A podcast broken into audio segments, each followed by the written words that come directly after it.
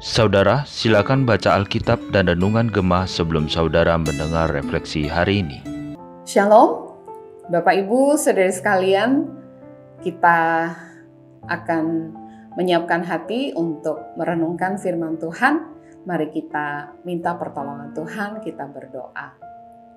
Tuhan, kami butuh firman-Mu setiap hari di dalam hidup kami, juga pada hari ini.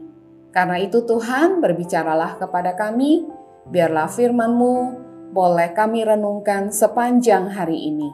Dengarkan doa kami, di dalam nama Tuhan Yesus kami berdoa. Amin. Bapak Ibu Saudara sekalian, pembacaan Alkitab kita sudah sampai kepada kejadian pasal 29. Saya mempersilahkan Bapak Ibu untuk membaca dari awal sampai akhir kisah tentang keluarga Yakub. Pada saat ini kita akan bersama merenungkan sebuah tema Injil dalam kisah keluarga Yakub. Bapak Ibu Saudara sekalian, apa perasaan Bapak Ibu membaca kisah keluarga Yakub yang penuh dengan intrik, penuh dengan skandal, penipuan, sakit hati, persaingan ini. Seperti lagi nonton film drama-drama kerajaan gitu ya. Pernahkah saudara berpikir, mengapa ya Tuhan memilih sebuah keluarga yang kacau balau seperti ini untuk misinya? Keluarga yang terlalu banyak konflik, terlalu banyak istri, terlalu banyak keruwetan.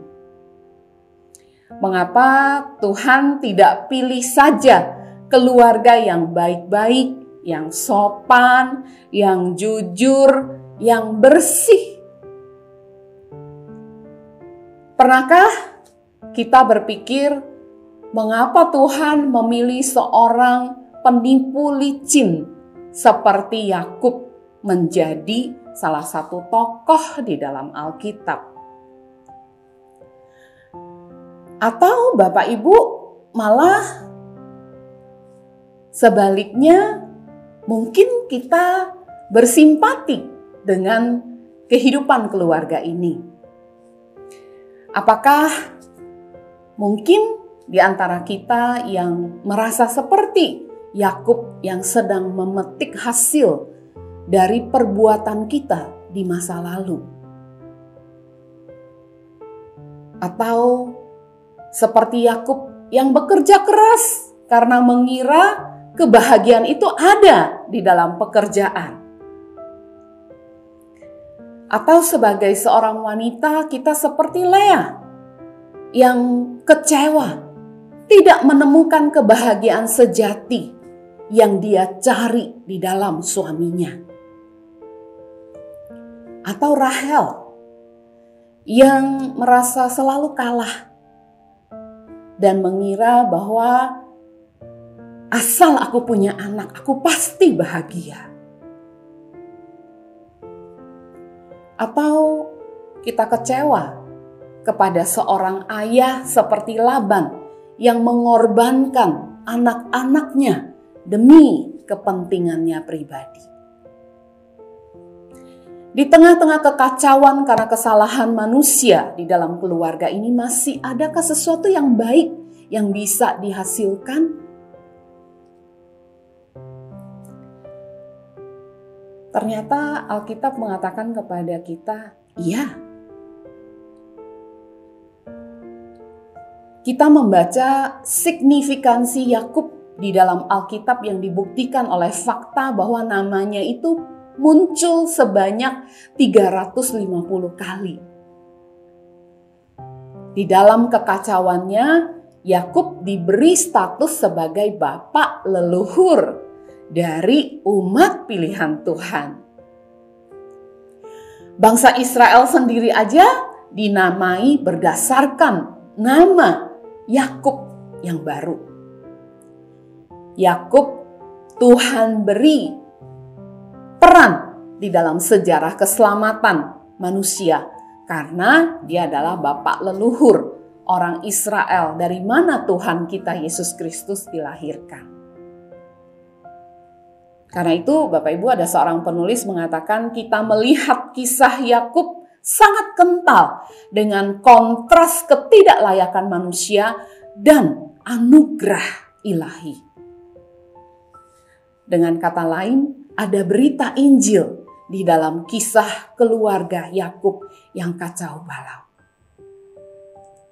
Di tengah-tengah keruwetan keluarga ini, berita Injil seakan ditegaskan kembali. Tidak ada manusia yang diselamatkan karena mereka cukup baik, karena mereka cukup berusaha, karena mereka cukup layak untuk menerima anugerah dari Tuhan. Walau kacau balau, Tuhan memilih keluarga Yakub. Tuhan memilih Yakub tidak berdasarkan apa yang baik yang telah dia lakukan. Bahkan Alkitab mencatat sebelum dia dilahirkan, sebelum dia tahu berbuat baik atau jahat, Tuhan sudah memilih dia. Tuhan memilih dia walau dia bukan anak sulung, dia adalah anak bungsu yang seharusnya tidak mendapat bagian sebanyak dan sebagus seorang anak sulung. Tapi Tuhan begitu beranugerah dalam hidup keluarga Yakub. Bapak Ibu Saudara sekalian, apakah engkau merasa tidak cukup baik? Tidak mencapai standar, gagal, keluargamu berantakan, tidak ada harapan dari hidupmu. Efesus pasal 1 ayat 4 mengingatkan kepada kita. Sebab di dalam Yesus Allah telah memilih kita sebelum dunia dijadikan. Supaya kita kudus dan tak bercacat di hadapannya. Kita sudah dipilih oleh Tuhan sebelum kita dilahirkan. Sebelum dunia dijadikan Tuhan sudah memilih kita. Jadi bukan berdasarkan baik atau buruknya. Efesus pasal 2 ayat 8 sebab karena kasih karunia kamu diselamatkan oleh iman itu bukan hasil usahamu tapi pemberian Allah. Jadi Bapak Ibu Saudara sekalian inti Injil adalah saya orang berdosa, saya orang tidak layak, saya orang yang tidak capai standar, tapi saya dipilih, saya dikasihi, saya diselamatkan oleh Tuhan. Terpujilah Tuhan kita Yesus Kristus. Mari kita berdoa. Terima kasih Tuhan mengasihi kami. Terima kasih Tuhan selamatkan kami. Bukan karena kami baik, bukan karena kami sesuatu yang kami lakukan, tapi karena semata-mata anugerah Tuhan. Terpujilah namamu.